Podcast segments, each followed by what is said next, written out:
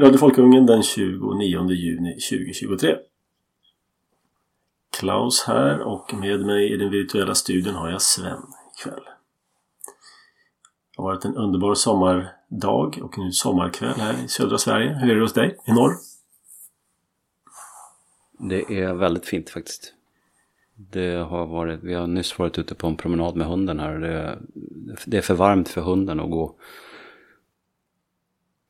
Och det är, det är det nordiska ljuset. Och ja, allt, allt som är vackert här uppe. Det är jättefin kväll. Underbart att höra. Vi tackar för klimatförbättringen som pågår. Jag tänkte idag ska vi kommentera den här, det här pekoralet av eh, Försvarets, eh, vad heter de numera, forskningsinstitut eller? FOI? Jag tror att de heter... Forskningsanstalt hette de. Hette Försvarets forskningsanstalt men jag tror att de heter Totalförsvarets forskningsanstalt nu. Ah, okay. Eller förlåt, forskningsinstitut. Totalförsvarets forskningsinstitut. Som, men av någon anledning så har de då FOI, FOI som förkortning. Många har ju kommenterat den här och tycker den är alldeles förskräcklig. De känner sig utpekade och eh, eh, ser det som ett tecken på det totalitära samhällets utbredning. Alla som på något sätt kritiserar makten och etablissemanget målas ut som fiender då. Ja, den här är allt från konstnärer och musiker till eh, olika föreningar och partier. Ditt eget politiska parti till exempel. Finns uppräknat här då. Eh, men vi ska också ta en liten annan vinkel på det här. Vi ska titta på de skyldiga bakom den här rapporten. Precis. Uh, du har ju grävt lite i den här. Jag har läst och skummat och eh, framförallt tittat på ska man säga, innehållsförteckningen i den här. Och eh, ja, den, den, den, ger en bra bild av vad det här handlar om. Eh, Eh, den heter ju då Rutten demokrati. Konspirationspropaganda. Rasism och våld. Eh, och man räknar i stort sett upp allt här som etablissemanget ogillar. Eh, etablissemangskritik är ju då någonting fult här. Det är det som förr i världen brukar kallas för politisk opposition. Ja, precis. Precis. Eh, jag vill lägga till på en gång där att när man, när man säger då att, att uh, man övervakar, uh, registrerar och så vidare då oppositionen eller de som kritiserar etablissemanget eller om man så vill de som är rasister och hemskingar. Och, så är ju inte det något nytt. Den som är liksom förvånad och upprörd över det här med någon slags utgångspunkt i att det här skulle vara nytt, den är ju helt vilse.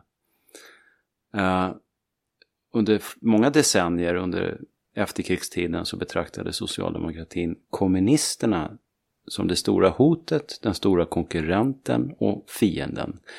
Och följaktligen så övervakade man dem. Eh, till exempel, man satte ju upp med IB, informationsbyrån. Ja, precis.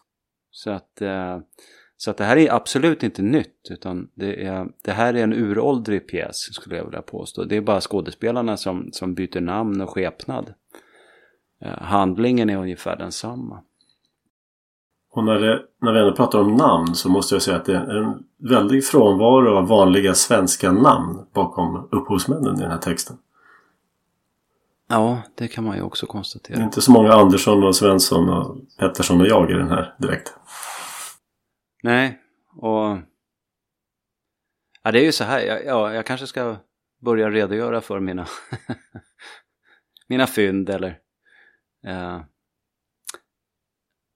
det är inte så mycket fynd egentligen utan det är snarare så att när, när, när jag har satt igång och nysta i det här och jag har då inte intresserat mig för vad, vad de här eh, tre författarna, kvinnorna, eh, skriver. Eh, det bryr jag mig inte om. Jag vet vad de tycker om sådana som jag och jag vet vad de tycker om människor som är eh, vaccinskeptiker eller eh, ja, det, det, är en rad olika grupper som man, man liksom lägger i samma paket i den här så kallade rapporten. Men det är intressant vilka som författar dem och vad de vistas i för miljö, vad har de för föräldrar, var kommer de ifrån och så vidare. Och då är det så att de är, det är tre författare. Då. Det är eh, eh, Hanna Pollack Sarnecki. Eh, ja, det är känt, känt namn. Ja, precis. Vi återkommer till henne. Eh, vi börjar med att liksom avfärda de andra två. Därför att en av de här författarna, hon är så ung. Så att, alltså hon är en, ja, nästan nyexaminerad kriminolog. Eh, jag tror hon är 26 år gammal. Det finns ingen anledning att liksom hänga ut henne. Hon, hon, eh, ja, hon har hamnat i det här på något sätt och förmodligen via sina studier. Och eh, jag kan bara gå tillbaka till när jag själv var 26 år gammal. Man, man är liksom... Man, man kanske kan vara klipsk och sådär va, men man saknar ju erfarenhet och man saknar framförallt erfarenhet av andra människor. Eh, så att eh, hon är ju helt utlämnad till de andras viljor det här. Ja, vad, vad hette hon? Henne... Kan du säga hennes namn? ja, vad hette hon? Uh, var det hon som hade något svenskt namn? Du var den enda som hade något svenskt namn. Ja, hon, hon, hette, hon hette Jarlsbro. Matilde Jarlsbro. Just det. Precis. Den enda som har svenskt namn. Ja, precis. Sen hade vi då en Anna Liofas. 46 år gammal. Uh, också kriminolog. Och hon jobbade på uh, Polismyndigheten fram till augusti förra året. Och då jobbade hon med bedrägeribrottslighet. Jag vet inte riktigt hur, hon var ju inte polis, hon var kriminolog, men ja, hon kartlade väl den ja, arbetade med så att säga en vetenskaplig eh, metodik och synsätt på, på den typen av brottslighet. Eh, och eh, då Eh, då har hon alltså varit på FOI sedan augusti förra året och helt plötsligt så är hon expert på hot mot demokratin. Och det är hon naturligtvis inte. Hon kan inte ett jävla skit om subversiv verksamhet eller vad det nu må vara. Hon är, hon är kriminolog som har jobbat med bedrägerier på, på, på polisen. Eh, hon heter Anna Liofas då eh, och, och det finns inte så mycket mer att säga om henne. Eh, så min tolkning är att av de här tre så är det Hanna Pollack Sarnecki som är så att säga den dominanta. Och det styrks även av att hon är disputerad då. Eh, så hon har lite mer akademisk majonnäs på axelklaffarna. Uh, Men jag kan nämna ett, ett, namn till här. Dokumentet är godkänt av en Malek Finn Khan Oj då, det har jag till och med missat. Uh, ja, du ser. Genom uh, Säkerhetspolisen då? Och sen är det också lika, kul lika... för man läser den här, jag bara, förlåt att jag avbryter dig. Ja, Detta nej, verk är skyddat enligt lagen om upphovsrätt till litterära och konstnärliga verk. Vilket bland annat innebär att citering är tillåten i enlighet med vad som anges i 22 paragraf i nämnd lag. Alltså, är det här ett konstnärligt, kanske ett konstprojekt från Konstfack det här? Det är en installation. Ja. menar, oh. Sen när bruk, är, det, är det kutym att man eh, skyddar skattefinansierade sådana här saker? Antingen hemligstämplas det väl eller så är det väl öppet liksom inte. Ja, ja det är märkligt, märkligt. Jag, jag, jag associerar, när du nämner vem som har godkänt rapporten och vad han har för namnkombination då då associerar jag lite grann till de här två persiska bröderna som nu skakar galler eh, livstid eller vad de fick för spioneri. Eh, jag, jag, jag, postulerar att vi kommer få, mer, få se mer av sånt helt enkelt. Eh, ja. Och i, ibland är det ju sådär, man, man, man liksom känner väldigt tydligt att jag kommer få rätt. Och så den här ego-delen av, av, av personligheten, den, den den får då belöningskickar liksom. Men samtidigt så vill man ju inte ha rätt, säger en annan del av hjärnan. Eh, man vill ju inte att det ska bli så. Va? Eh. Ja, men det, är som min fru brukar säga till mig. Jag har en metod när jag förutsäger framtiden som är ganska så träffsäker. min fru brukar säga så här att ja, ja, det låter ju galet när du säger det men ja, ibland hon pratar med andra och liksom måste ursäkta sig att hon är gift med mig.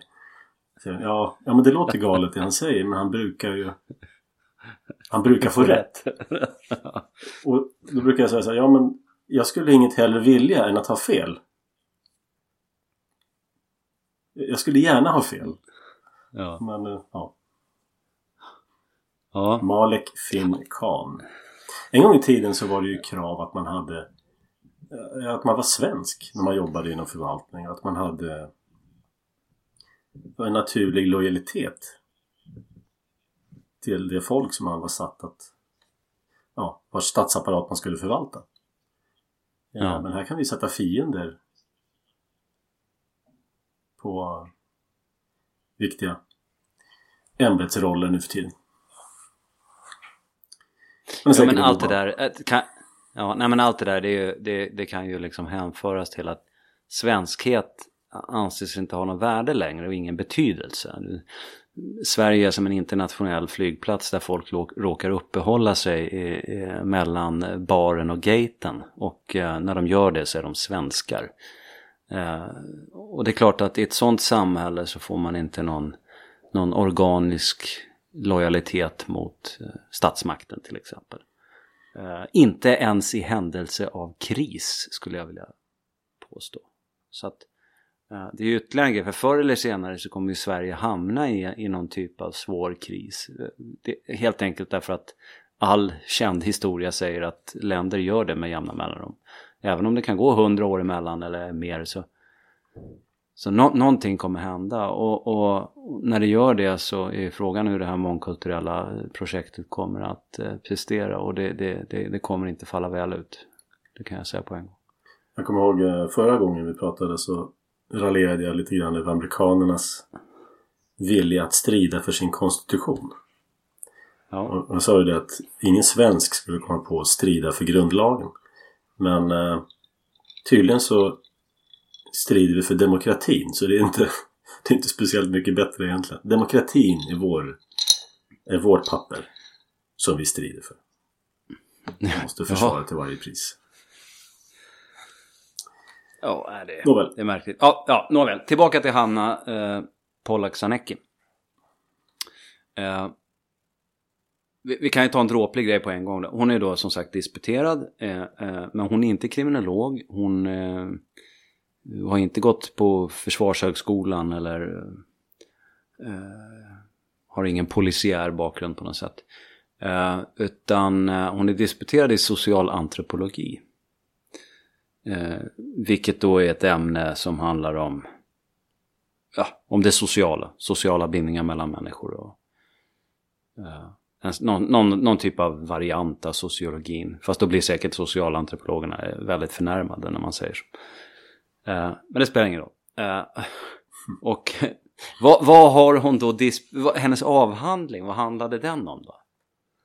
Ja, den handlade alltså, och det här, det här är ju så dumt så att i, sam, satt i, i det här sammanhanget så är det så dumt att, att folk kan ju nästan tro att, att jag narras med dem när jag säger det. Men det här är helt sant. Hon doktorerade på funkmusik i Rio de Janeiros favelor. och, och, och, ungdomars, och ungdomars liv där. Uh, och sen har det då genererat så småningom efter hennes disputation är väl kanske en 5-6 år gammal ska jag tro.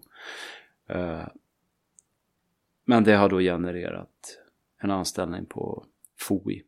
Där hon då sitter och gör sånt här som med den här rapporten. Hon har ju hållit på där ett tag. När man, när man googlar hennes namn så dyker det ju upp diverse intervjuer och artiklar och så vidare. Hon ploppar upp i massmedia de senaste åren just i det här sammanhanget. Eh, till och med finska Yle har eh, intervjuat henne. Ja, men det låter som att han blivit anställd på grund av ren kompetens och eh, ja, lämplighet för jobbet. Inte på grund av att Nej, men har hon- ett, namn hon- hon- som figurerar Nej, men hon, har, hon, hon har en stark vilja att ge sig på opposition. Det är min tolkning, det är min bedömning, uppfattning, kalla det vad man vill.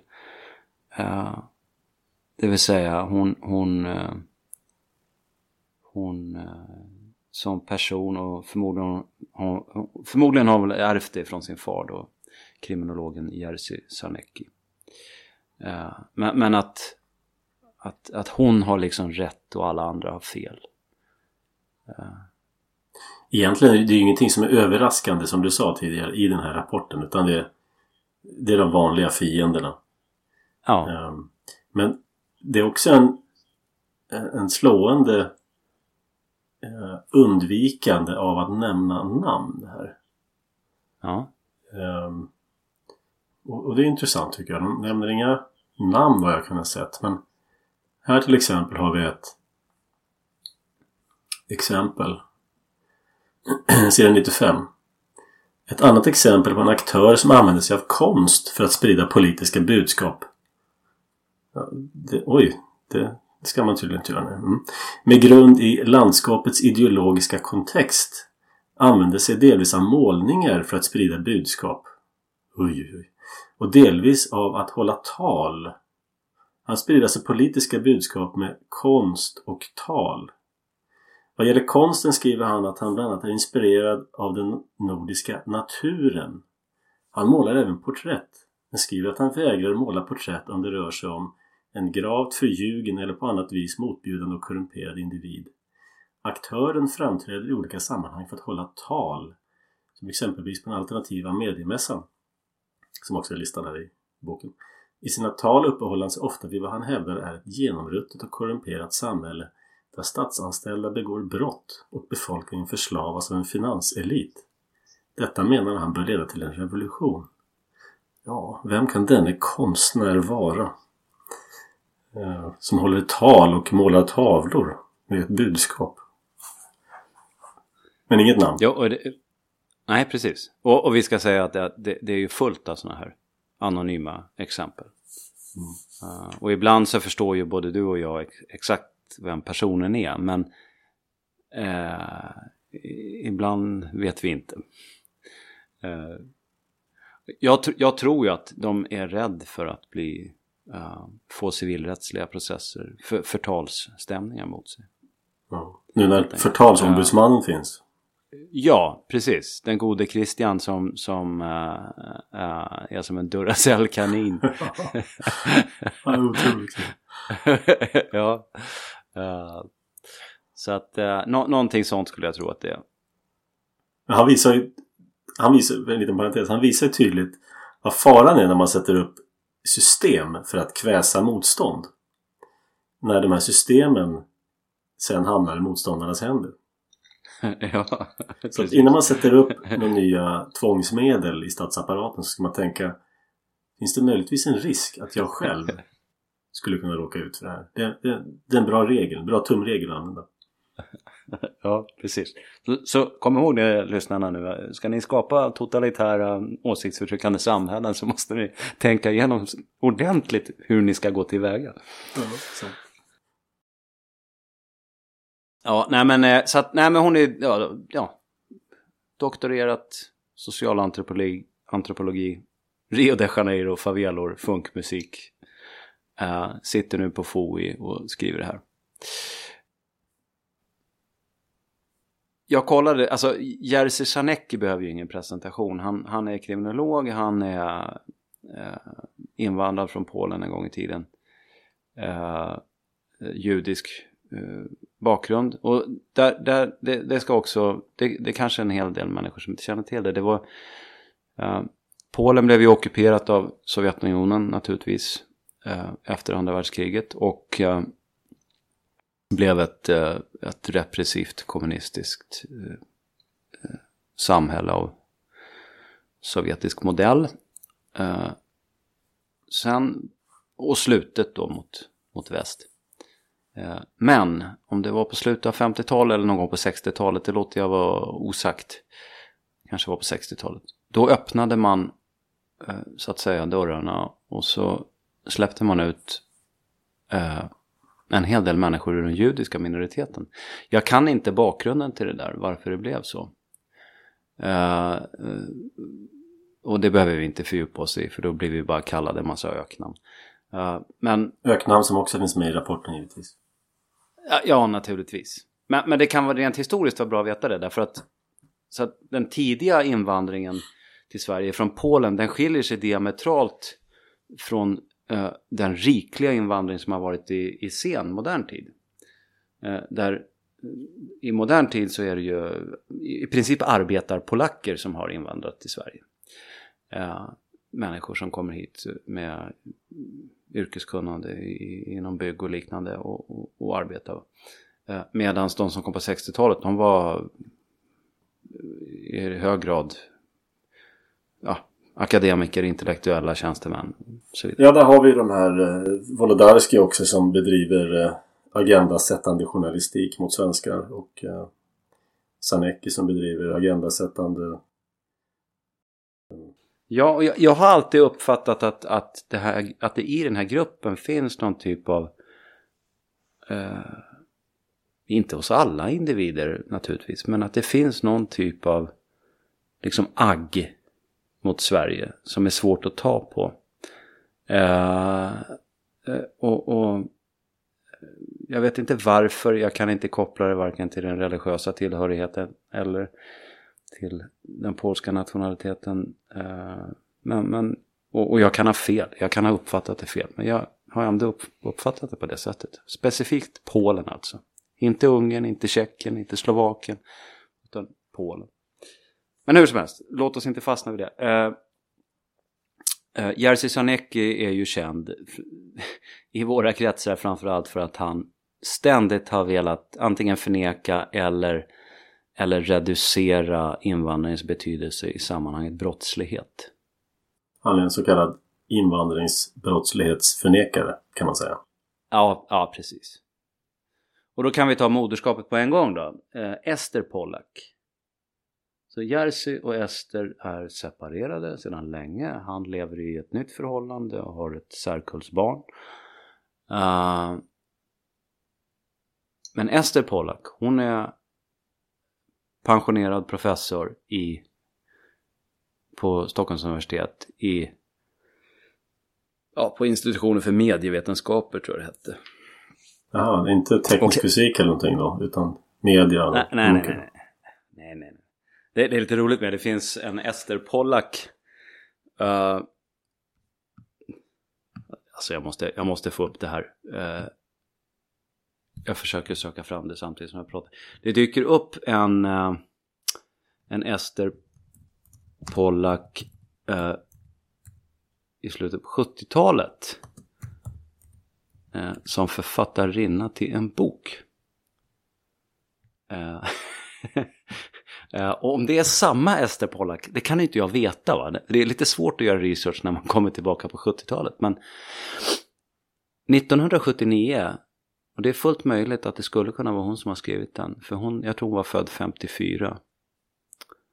Men 1979 så publicerade förlaget Rabén och Sjögren en bok skriven av en Ester Pollack som heter Barnen på den gröna krokodilön. En bok om Kuba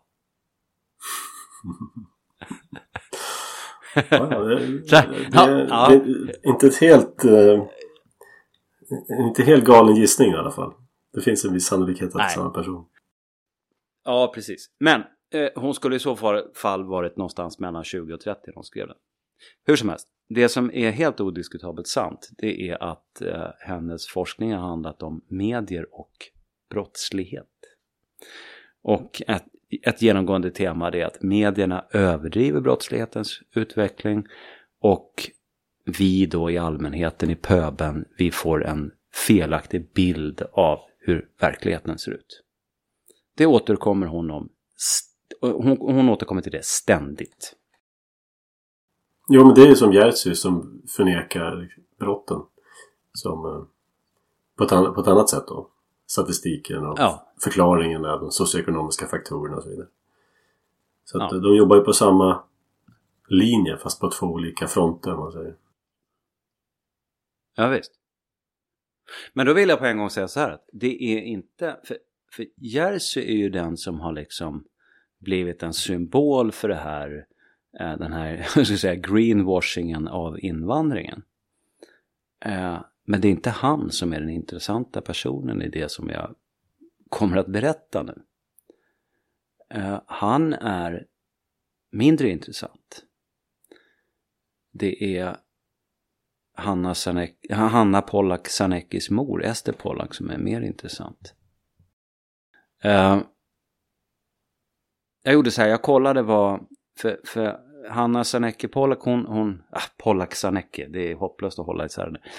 Eh, hon eh, bor ihop med en man.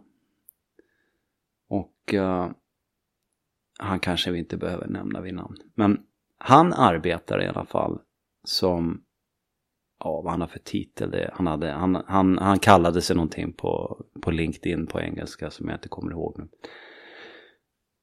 Han arbetar på organisationen Civil Rights Defenders. Och eh, den hette en gång i tiden eh, Svenska Helsingforskommittén. Så den har verkligen bytt namn om man säger så. Eh, man kallar sig för en politiskt och religiöst obunden människorättsorganisation.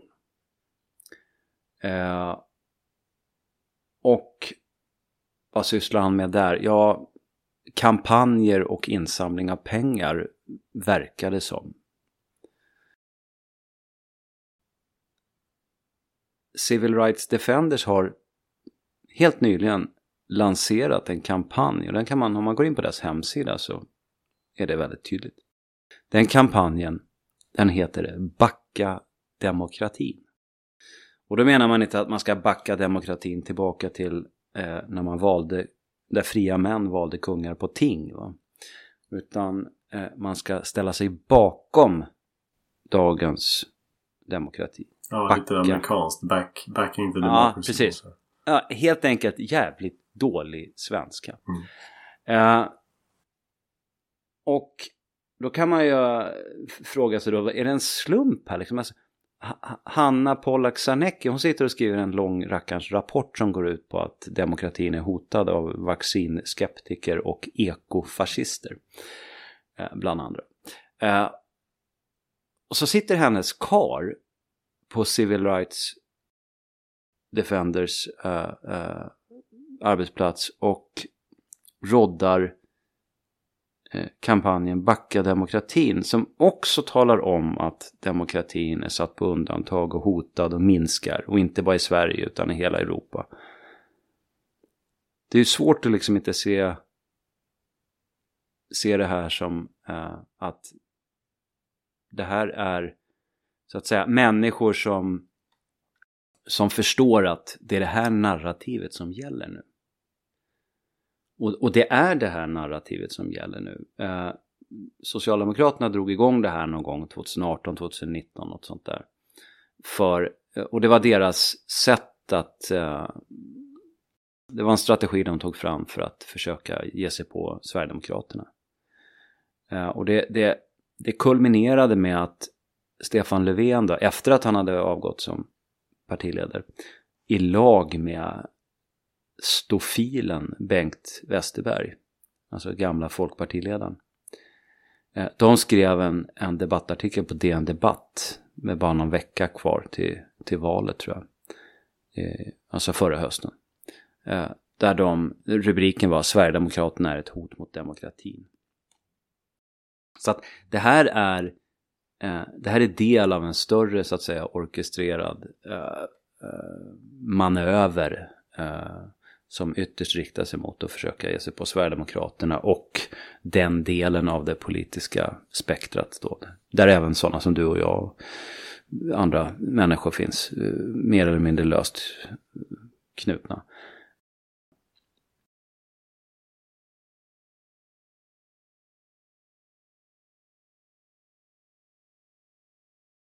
Det här är ett, ett hushåll då kan man säga. Där hotet mot demokratin är en födkrok. Mm. Men, då dök jag ner i den här, för att jag menar Amnesty det har ju alla hört talas om. Det finns massa sådana här NGOer och, och, och, och så vidare. Och de får en rackarns massa skattefinansierade bidrag då, oftast från Sida. Men det här Civil Rights eh, Defenders, eh, de kände jag att, ja jag hade ju hört namnen men jag var ju liksom, det där kunde jag ju ingenting om. Så jag tog mig en titt på vilka är det som roddar det där och Jag gjorde som jag brukar, jag läste resultaträkningen den senaste. Kollade i noterna var pengarna kom ifrån. Det var ju precis som man kunde befara då. Sida? Jag tror att de... Ja, precis. De, de omsatte, vad var det, var det 180 miljoner? Och de, de hade det i intäkter då och jag tror 100 miljoner nästan kom ifrån Sida. Kan man, inte, kan man inte någon gång få bli överraskad? Det vore så skönt om man kunde bli det någon gång. Ja, nej det blir man inte. Men, men eller ja, fast jag, jag blev ju det, fast inte av Sida så att säga. För att då kollade jag på vilka det är som sitter i styrelsen här. Och då sitter Ann Ramberg i styrelsen.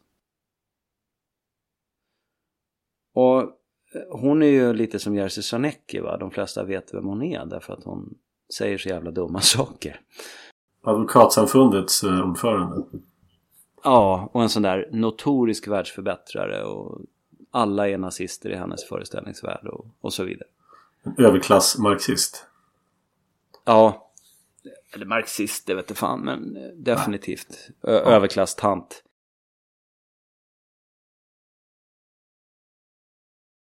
Och sen så framgick det då i, i uh, jo, jag ska ta en sak här. När, när, när, när den här organisationen då som har organisationsformen ideell förening, när de får då, ja, vi säger att det var 100 miljoner från Sida. Det spelar ingen roll om det liksom var 90 eller 101 miljoner. När de får så mycket pengar och samtidigt kallar sig för ideell förening, då, då är det ju intressant hur många medlemmar har de? Och nu har väl du tjuvkikat i en text som kommer komma upp på, på, på, på, på Folkungen här eh, inom kort. Men så att jag säger det utan bedövning så att säga. De hade år 2022 15 betalande medlemmar.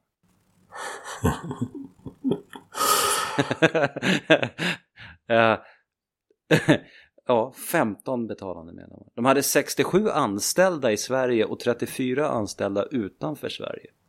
Så att man kunde inte ens få de anställda att lösa medlemskap i organisationen. Det kostar 300 kronor per år. Alla, alla dessa 15 finansierar alla de här lönerna.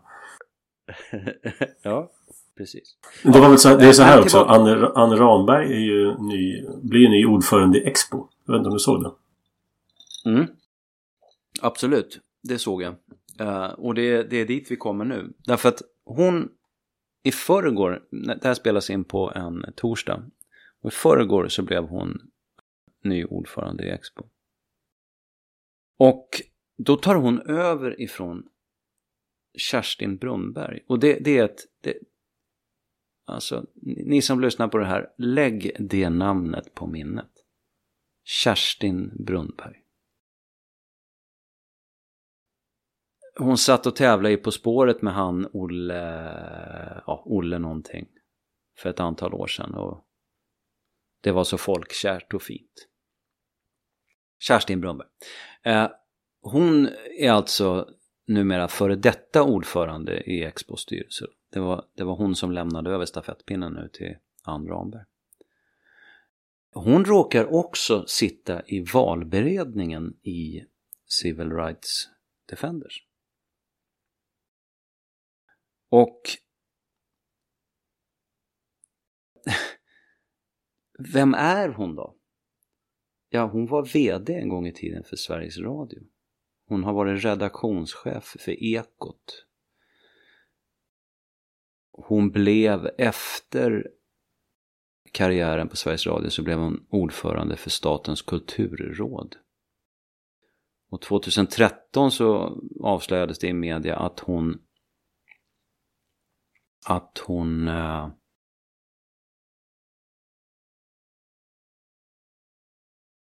hade i den rollen gett 400 000 kronor i bidrag till Expo samtidigt som hon satt i Expos styrelse. Så att hon, hon är liksom en, en, en maktfigur utav nåde. Va? Den kvinnan har makt och inflytande och hon har ett fantastiskt nätverk. Som, som vi bara ser, eller som, som jag när jag sitter här och gör sådana här slagningar och sökningar och så vidare, bara kan se lite på ytan av. Mm. Det finns en rolig omständighet med henne också som jag tycker eh, vi ska göra oss roliga över de här människorna. De här är inte, de äter och skiter och de är som alla andra egentligen. Men de har makt och de har erövrat makten, de behåller den. De gör det genom att kontrollera pengar framför allt. Och det finns positiva saker att säga här. Eh, som, jag återkommer, nyheter. Men det, det vi sysslar här med nu, jag skulle bara skjuta in det, det. Det var en tillämpning av det vi kallar för regel nummer 12 här på Folkungen. Och det går ut på att man drar de här människorna ut i ljuset och exponerar dem. Precis ja. som eh, vänstern alltid har varit väldigt bra på. Man drar ut Precis. sina meningsmotståndare i ljuset, ställer dem bra med sina jobb och så vidare. Så att eh, det är därför vi nämner namn här nu och eh, relationer. Har, vi ska... förresten, har någonting med Ulf Brunnberg att göra, skådisen? Ja, jag, jag, jag, tänkte samma tanke men jag tvivlar, jag tvivlar på det. Jag tror ja, jag, jag har inget med saken att göra, bara nyfiken. Det var också en kulturperson. Ja, nej, men hon är, hon är dotter till en eh, på sin tid känd arkitekt vars förnamn jag har glömt bort om han hette Brunnberg. Och hon heter egentligen, hon är ju gift eh, med en man som heter Jonsäter. Så hon heter Kerstin Jonsäter Brunnberg. Men i alla sammanhang så kallar hon sig för Kerstin Brunnberg. Hon bor på Djurgården. Och det som är så sjukt det är att hon har varit folkbokförd på samma adress i hela sitt liv.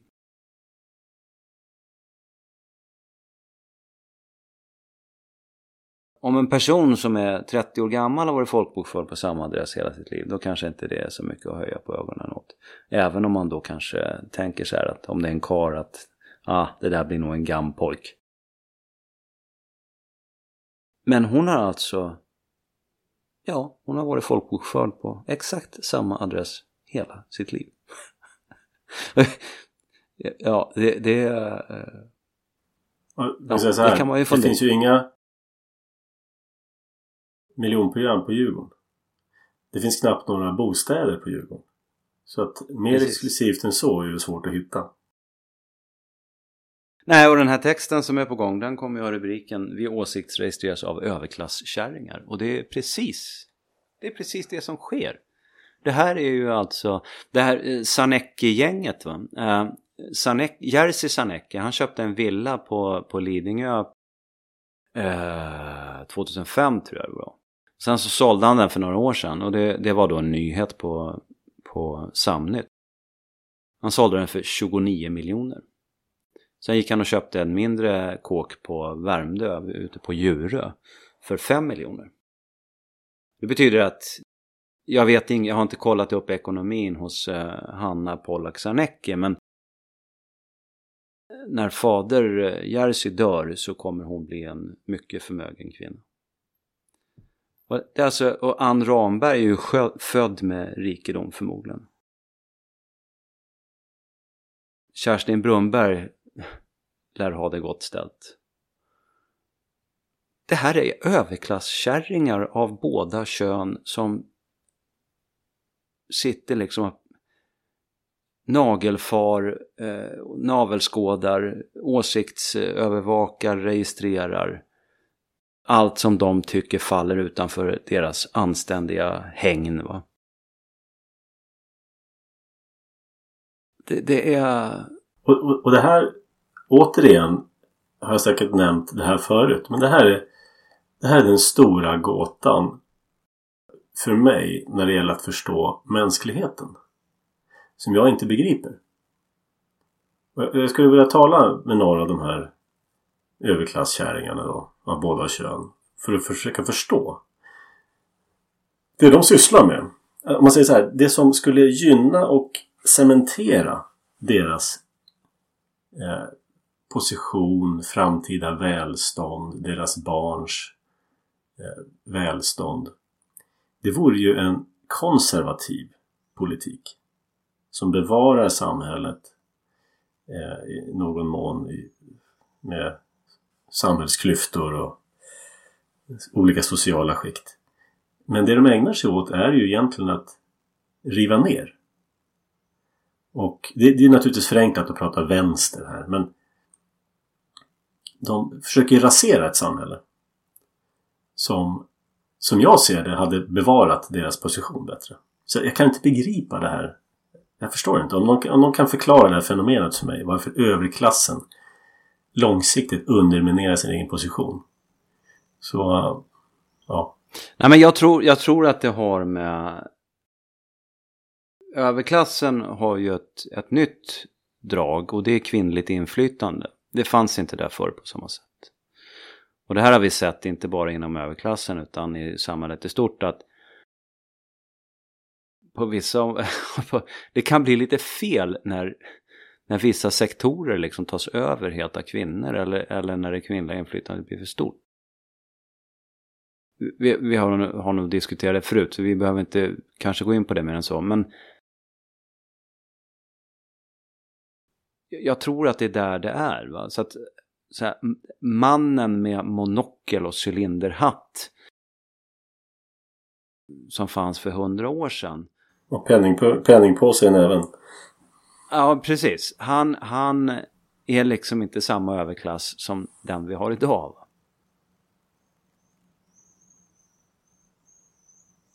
Ja, det här är väl arvtagare av överklassen som kanske inte är, den kanske inte är så intelligent. Precis. Det är, det är precis så jag tror att det är. Så det är ena generation, återigen här, en generation förvärvar, den andra förvaltar, den tredje fördärvar. Det här är kanske fördärvargenerationen. Men jag måste försöka knyta ihop säcken här därför att det finns fler människor att nämna, eller ja, fler saker att nämna om de här människorna. Och vi behöver också introducera ett namn till här och det är Åsa Wikfors. Därför att nu när Ann Ramberg blev eh, vald till ordförande i Expo så är det också så att Åsa Wikfors blev invald som ledamot. Hon är professor i filosofi. Hon är eh, flitigt förekommande i massmedia när det handlar om faktaresistens, som det kallas. Jag som tänkte gissa på att hon skulle vara professor i teknisk fysik hon också, men okej, okay, ja. Nej, inte riktigt. Nej, men så hon, och hon är dessutom invald i Svenska Akademin. Och där känns det lite sorgligt på något sätt. Därför att jag skiter ju i vilka förtroendeuppdrag som finns i Civil Rights Defenders och i Expo och så vidare. Men Svenska Akademin, den, den ligger mig liksom åtminstone lite varmt om hjärtat. Och nu sitter det sådana där jävla typer där också. Men Åsa Wikfors då, ny ledamot i Expo eh, tillsammans med Ann Ramberg, professor i filosofi, expert på faktaresistens. Och då är det så här att då tänkte jag så här att nej men vänta nu. Om Hanna Polaksanecki hennes mamma Ester ägnar sig åt brottslighet och media och ständigt återkommer till att, att media förvränger brottsligheten och lurar allmänheten genom att göra så. Och vi har liksom det här eh, Civil Rights Defenders och där arbetar Hanna eh, Polaksanekis sambo och där finns Kerstin Brumberg. Där finns eh, eh, Ann Ramberg och så vidare. Så på något sätt måste Ester Pollack och den här Åsa Wickfors ha stött på varandra då. De, de verkar liksom flyta runt i samma ankdamm. Liksom. Så jag googlar ju de där och då, då, då hittade jag någonting som jag om jag hade läst mainstream media, vilket jag väldigt sällan gör, så hade jag väl fångat upp det i våras. Men det är så här att i våras så bildades en, organ, en förening som heter Oberoende Public Service. Och man kan säga att bildandet av den var en reaktion på den, den medieutredning, den, den utredning av public service som regeringen har tillsatt och som leds av den före detta kristdemokratiska partiledaren Göran Hägglund.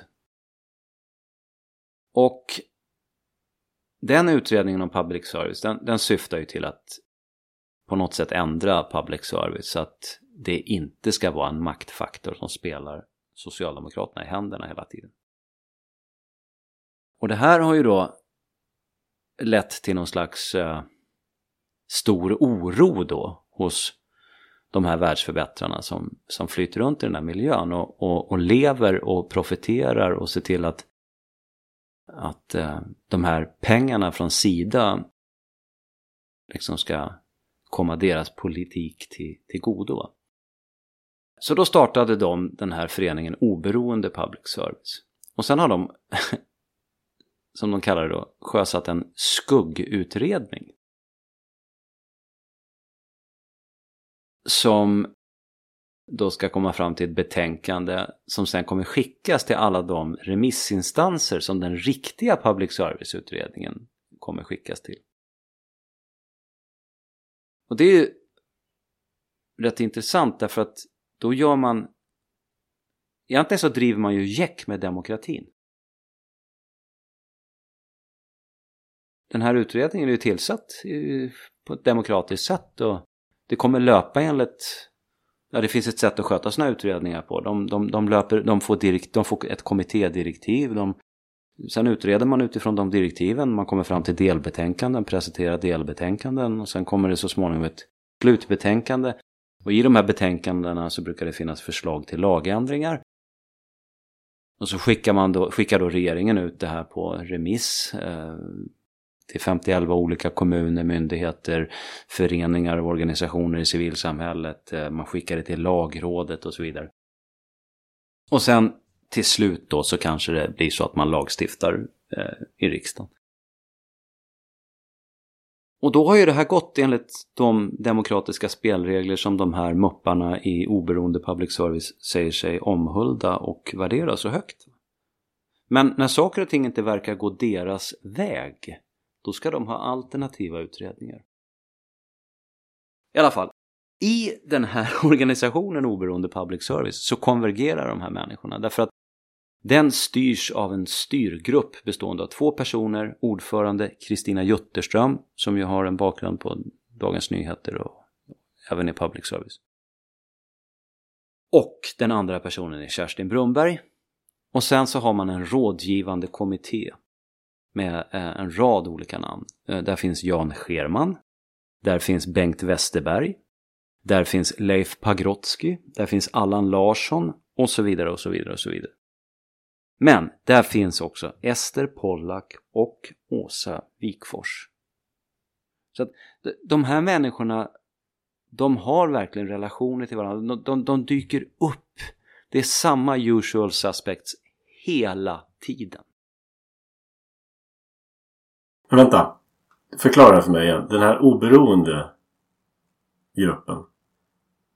Ja. Vad hade de för koppling till de här? Jo, alltså det finns ett, en mängd människor som är genuint oroade över att regeringen verkar komma att försöka förändra public service. Ja. Och de har startat en förening som heter Oberoende Public Service. Ah, och sen okay, så, tillsätter, okay. Ja, så tillsätter de en, en egen utredning som de kallar det. Just en det. skuggutredning. Just det. Som och i alltså, den här fanns den före detta kristdemokraten också? Nej, han leder den riktiga utredningen. Ja, ah, han leder den riktiga. Den som, den okay, som det var där det förvirrade. Ja, jag tänkte, ja, ja. Ja, mm. ja. Nej, jag, jag förstår att det är, är förvirrande därför att när, när man sitter och läser det här så är det så det är så absurt. Ja. Men, men det är det här, det, det, jag, jag, skulle, min bedömning är att i den här kretsen av människor som då spänner från Bengt Westerberg till Jerzy Sarnecki till, till Jan Scherman till Leif Pagrotsky och som omfattar mediepersonligheter, mediedoldisar aktiva politiker, före detta politiker med flera. De är de är säg att de kan, ja, kan de någonstans 400-500 stycken skulle jag gissa att de är. De har en enorm makt. De kontrollerar enormt med pengar.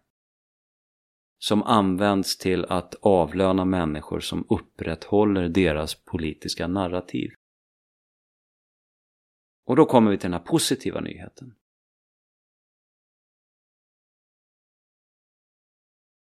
Det, det är två saker. Det, det var känt sedan tidigare egentligen. Då. Så att man kan ju kanske inte ska kalla det nyhet. Det finns saker att glädjas åt i det här sammanhanget.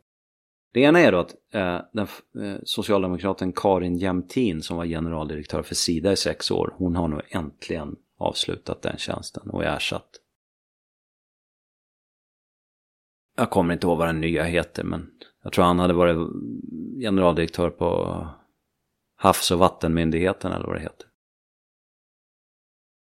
Det är det ena. Det andra är att på Sida, om man går in på Sidas hemsida då kan man läsa deras organisation och då finns det en del av Sida som arbetar med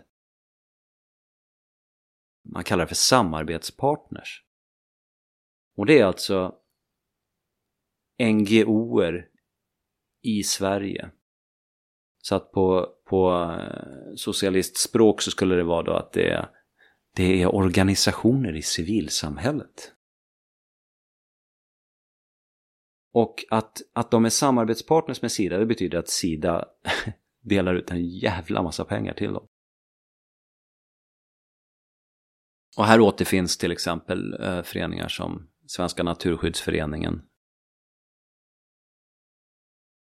Civil Rights Defenders, ja, med flera. Det är en lång lista. Och den här Fojo som vi var inne på för några månader sedan är väl också Ja, de är också med där. De är med där. Eh, det finns, det är massa som man inte känner. Kvinna till kvinna finns det en organisation som heter och ja, det är många namn där som man inte känner igen. Men eh, vad rör det sig om för pengar då? Ja, de där föreningarna tillsammans tog alltså förra året emot 1,8 miljarder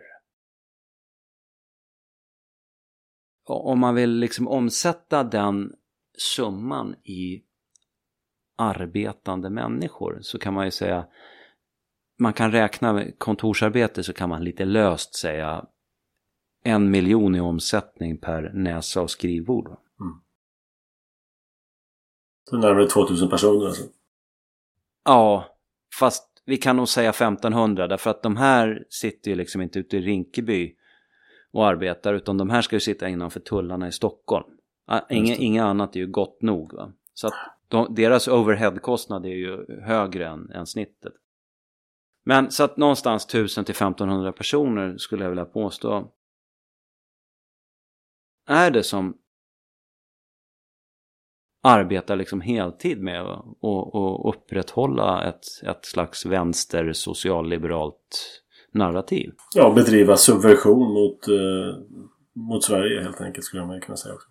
Men just att de här inte finns med i den här utredningen om hotet mot demokratin utan... Eh, nej, nej, nej, nej, nej, nej. nej, nej, nej. nej, nej, jag är ju bara en konspirationsteoretiker när jag påstår ja, sådana här saker. Ja. Konsp konspirationspropagandist. Konspirationspropaganda heter det. Ja. Men eh, vad är det som är bra då? Jo, i, i årets regleringsbrev till Sida och då är det så att reglering, regleringsbrev det är den arbetsinstruktion som regeringen varje år eh, utger till respektive statlig myndighet. Och där dras det upp ramarna för verksamheten. Och eh, Sida har då eh, konstaterat att i det som står i regleringsbrevet nu eh, omöjliggör att man fortsätter att dela ut pengar till de här samarbetspartnerna i den omfattning man har gjort hittills. Så att det är helt enkelt så att en rackarns massa sådana här eh, människor till exempel Hanna eh, Pollack Sarneckis sambo, de kommer helt enkelt bli arbetslösa. Ja, de får väl köra buss eller något som har hederligt folk helt enkelt. Ja, gatsopare eller Ja. ja. Ta ett hederligt jobb helt enkelt. Sen är, om man höjer liksom, nu sitter vi och gör oss lustiga då eh, över våra politiska motståndare i princip. Men om man, om man höjer abstraktionsnivån ytterligare ett steg så är det ju så att, eller, eller jag anser att det är så att det här är ju, det, det här är ju ett tecken på ett dekadent samhälle som står inför en slags ja, inför undergången så att säga. Nu behöver inte undergången betyda svavelsjöar och, och, och förintelse. Men, men, men Venezuela kan väl vara ett bra exempel när man liksom går på helt egna meriter går man från att vara ett ja, någorlunda välordnat samhälle i alla fall till att fullständigt klappa ihop liksom. Och, jag tror att jag tror att det finns en högst reell risk att vi är på väg mot en sån situation. Ja, det tror jag absolut. Venezuela som jag såg idag för första gången. Nej, men eh, jag hoppas ju att det här bygget klappar ihop så fort som möjligt. Det har vi ju sagt förut. Accelerationism kallas det. Det finns också med i det här pekoralet för övrigt som begrepp. Kan man slå upp vad det betyder. Ja. Pengarna måste ta slut och den här vansinnet måste ta slut. Så kan det riktiga civilsamhället återuppstå som en fågel Fenix ur askan. Ja. Ett annat begrepp som de slänger sig med det har jag märkt när jag har suttit och googlat på de här människorna. Det är affektiv polarisering tror jag de kallar det för. Ga garanterat affektiv. Sen är jag lite osäker på om det var polarisering eller... Men det spelar ingen roll. Och det är alltså... Det ska då beskriva hur en politisk mots... Eh, alltså hur, hur man betraktar sin politiska motståndare. Alltså i princip hur, hur mycket äckel eller illvilja känner man inför eh, sin politiska motståndare. Och så eh, vill man då göra gällande, antingen uttalat eller mellan raderna, att Eh, det är så hemskt nu därför att eh, nationalister och högerkonservativa och så vidare, de, de, de har, har en sån hög grad av liksom affektiv polarisering. Att, att vi skulle liksom förakta våra politiska motståndare extra mycket då. Och det här är ju det här är ju någon slags uh, fixering hos de här människorna vid sin egen person och, och, och roll, alltså en, en slags hybris. För att det är naturligtvis inget nytt. Förhållandet mellan socialdemokrater och moderater historiskt på 1900-talet har ju präglats av rent äckel från båda håll inför varandra. Ja, ja. du går tillbaka ännu längre. De socialdemokratiska demagogerna och agitatorerna, vad var det de sysslade med? Ja, ja precis. Det här är ingenting nytt. Men det, det, ska låta så nytt och vetenskapligt och uh, så fina ord här nu. Som om det vore någon ny grej ja. som har hittats på. Och, och, och vi, vi lever liksom i, i den, den, den, den yttersta tiden här. Om inte vi sätter upp ett bålverk mot fascismen så kommer minsann allt gå åt pipan liksom. Det är sån här... Vad tusan kallar man det för? Eskatologi? Ja, men en självupptagenhet. Ja, okej, okay, det har du sagt. Ja, alltså ungefär som den, den, den egenskap som när man ser den hos tonåringar så säger man, så förstår man den och, och, och man säger ja, det är den åldern. Men, men det går liksom aldrig över. Utan det bara följer med upp i, i, i väl vuxen ålder och sen hela livet. Ja, men de ser sig som utvalda. Som ja, precis. det goda Det narcissism. samhällets väktare på något sätt. va? Och ingen annan kan liksom ha något ha liksom rätt eller, eller ens vara no, no, någonting på, på, på spåren. Så att, Och, och här skiljer ju då vi oss från eh, den här typen att se. Det här sättet att se på världen. För de har en idé om att de vet hur allt ska vara. Och sådana som du och jag, vi säger att ja men Varsågod. Ni, ni får gärna göra så om ni vill. Och betala för det själva.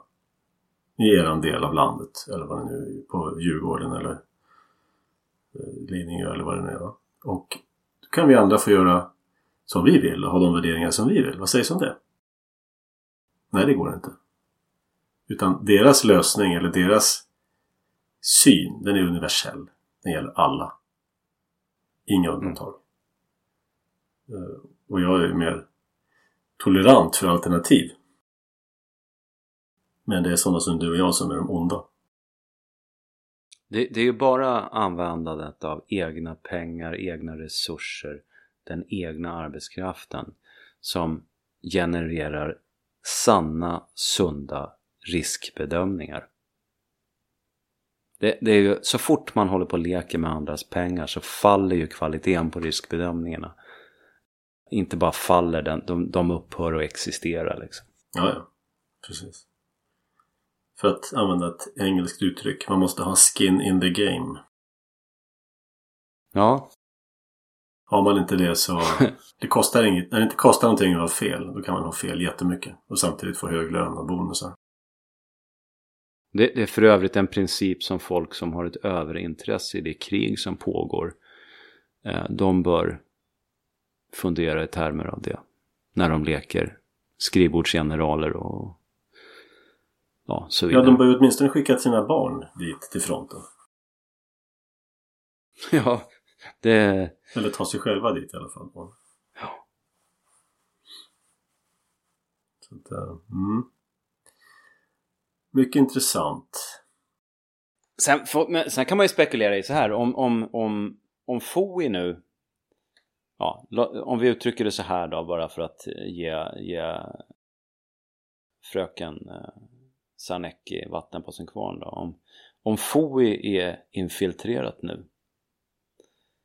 och det finns anledning att tro att detsamma gäller Säpo. Det är ju Säpo som har beställt den här rapporten och du blev ju själv uppringd av Sveriges Radio har jag för mig, eller kontaktad tidigare. Och det, det handlade ju om hot mot demokratin också. Ja, just det. Vi hade spekulerat lite grann. Jag i en annan podd hade spekulerat lite grann om hur hur en statskupp skulle kunna gå till. Precis. Och så hade vi haft lite roligt skönlitterärt skoj åt... eh, Det är en bok jag haft, eller en idé jag haft om en bok jag skulle vilja skriva nämligen. Om hur 10 000 man tar över Sverige och räddar, räddar Sverige. Ja. Så vi spekulerade lite grann kring det. Och så fick jag ett mejl här då från Sveriges Radio om jag ville försvara mig eller förklara mig eller någonting sånt där. Varpå jag sa, nej jag gör inte det skriftligen men eh, jag är gärna med i ett, ditt radioprogram så kan du intervjua mig. Och eh, om du inte intervjuar mig så hoppas jag ändå att du har heder nog att tala om att jag har erbjudit mig att medverka. Men det blev varken det ena eller andra. Nej. Men det man kan fundera på det är ju hur många andra, dels hur många andra myndigheter som man inte riktigt trodde var infiltrerade som, som också är det. Samt vilka är det som liksom står på tur? Eller är det rent av så att det inte längre finns en enda svensk myndighet som är förskonad ifrån det här kletet och deras bläckfisktentakler? Jag vet, jag har, jag har inte riktigt någon uppfattning i frågan. Det är en fråga som är lätt att ställa men jag, jag har själv inte riktigt någon, någon, något vettigt svar. Inte ens en spekulation. Jag vet inte om du såg det men eh, Nigel Farage Han eh, riskerar ju få sina bankkonton hemma i England avstängda. Mm. Så att där har också infiltration i eh, banksystemet. jag betraktar Storbritannien som förlorat. Det finns egentligen bara ett land jag... Ja, möjligtvis Frankrike då, men annars är det Tyskland där det kan hända något mer liksom spektakulärt i, i maktbalansen. Storbritannien tror jag är... Det är... Vad säger man på engelska? Det är en goner. Ja, it's a goner. Ja. Frankrike, där är det ju för övrigt eh, upplopp och, och, och, det kommer ju videoklipp alltså ut på nätet där de här arabungdomarna springer runt med skjutvapen. Mm. Och då, då är man liksom det enda som saknas då det, allt finns där utom de riktiga vapnen så att säga. Skulle militära vapen börja strömma in i, i landet, det vill säga automatkarbiner och så vidare. Då, då är det faktiskt fullt möjligt att man skulle kunna få en inbördeskrigsliknande situation. Mm. Det som talar emot det då, det är ju att det finns en betydligt högre grad av våldsförmåga hos staten i Frankrike än i, än i Sverige. Och, förmo och förmodligen än i Storbritannien också. Mm. Så att, uh, ja vi får se vad som händer där. Och Tyskland är ju, alltså, alternativ för Deutschland går ju som tåget. Ja, visst, visst. Speciellt i östra ja. Tyskland där de inte mentalt förstörda på samma sätt som i väst. Nej, precis. De, de har ju liksom... De har lärt sig känna, känna, känna igen lukten av totalitarism. Ja. Och är naturligtvis inte alls intresserad av en, en eh, militariserad tillvaro visavi Ryssland då. Ja, det finns ja. hopp, men det finns utmaningar som det heter. Problem. eh, den här rapporten, jag ser den mest som ett, ett pekoral. Komisk. Ingenting nytt. Inget att hetsa upp sig över. Allt väntat. Ja, den är till, den är till, till, det, det är tillfälle att tillämpa regel nummer 12. Ja ja. Och du har gjort ett utmärkt jobb där Sven. Jag ser, fram emot din, eh, din text i det här också. En lite annorlunda tagning på det här dokumentet som det heter. Bra! Men då tackar vi för oss denna underbara juni sommarkväll. Och eh, så hörs vi om en vecka igen. Ha det gott. Detsamma.